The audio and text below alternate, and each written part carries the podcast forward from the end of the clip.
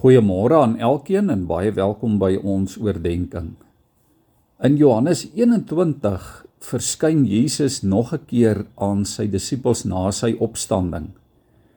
Dit is 'n baie alledaagse en 'n menslike verhaal wat afspeel daar by die see van Tiberius. Die disippels het gaan visvang, 'n aksie waaraan hulle gewoond was. Voordat hulle Jesus ontmoet het, was dit deel van hulle lewe van elke dag. Die skuite, die nette, die see en die vis. Daar was kere dat hulle vis gevang het en ander kere het hulle weer niks gevang nie. Teen laatnag het hulle 'n vuurtjie gemaak en van die vis gebraai en sommer daar op die strand geslaap tot vroegoggend. Hulle het deur die nag gevang omdat die vangs dan beter was en bedags het hulle van die vis verkoop en aan die nette en aan die bote gewerk. Ons kan hierdie prentjie daar op die strand in ons gedagtes sien. Alledaagse mense besig met hulle alledaagse werk. Daardie betrokke nag het hulle egter niks gevang nie. Tot net voor sonsopkoms het hulle nog probeer. Totdat iemand van die strand af roep dat hulle die nette aan die ander kant van die boot moet ingooi. Dadelik was hulle nette so vol dat hulle dit skaars kon uittrek. Die nette wou letterlik skeur van die swaar vis. Die Here het hulle kom ontmoet en hulle nette was vol.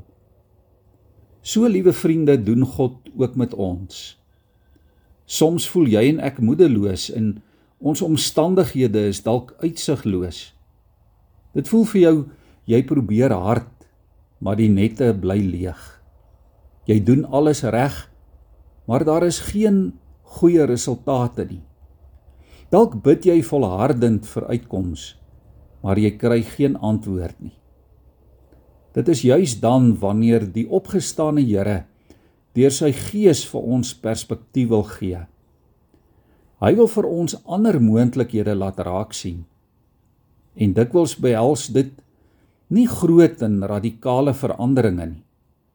Dis asof die Here wil sê: Onthou, 'n boot het twee kante. Moenie links kyk nie. Kyk regs. Die vis is nog heeltyd aan die ander kant. Jy weet dit net nie. Die antwoord is daar, maar jy sien dit net nie raak nie.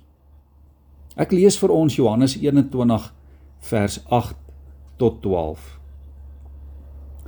Hulle was nie ver van die land af nie, net omtrent 100 tree. Die ander disippels het met die skuitjie gekom en die net met die visse gesleep. Toe hulle aan land kom, sien hulle 'n vuur brand en 'n stuk vis daarop lê. Daar was brood ook. Jesus sê toe vir hulle: "Bring van die vis wat julle nou net gevang het." Simon Petrus het toe in die skuit geklim en die net op die land getrek.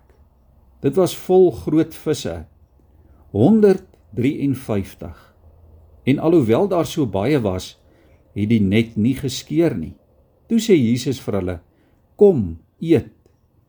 Nie een van die disippels het so ver gekom om vir hom te vra: "Wie is u?"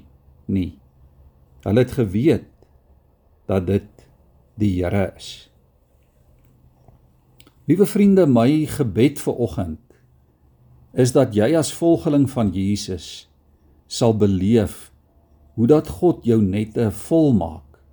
Ja, dat jy die fisiese voorsiening van die Here in jou lewe sal beleef. En bo alles dat hy emosioneel en geestelik vir jou sal sorg dat jy sal ervaar hoe dat hy vir jou voorsien.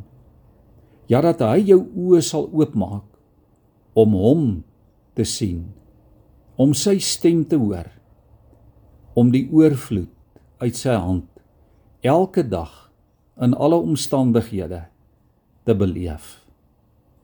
Aangrypend is dit wat ons hier lees in vers 12. Die disippels het nie vir Jesus gevra: "Wie is u nie?" want hulle het geweet dat dit die Here is. Mag jy vandag weet dat hy die Here is, die een wat by jou is, die een wat vir jou voorsien. Kom ons buig ons hoofde in gebed voor hom. Here, dankie dat U ons in oormaat liefhet. En Here, dat U ons in oorvloed seën. U kom kanselleer ons swakhede en ons onvermoë uit, Here. U weet dit wat ons nie weet nie. En U sien en U ken dit wat ons nie ken en nie kan sien nie. U het die dood oorwin sodat ons kan weet dat alles in U moontlik is. Dankie dat ons dit kan bid en kan weet in U wonderlike naam. Amen.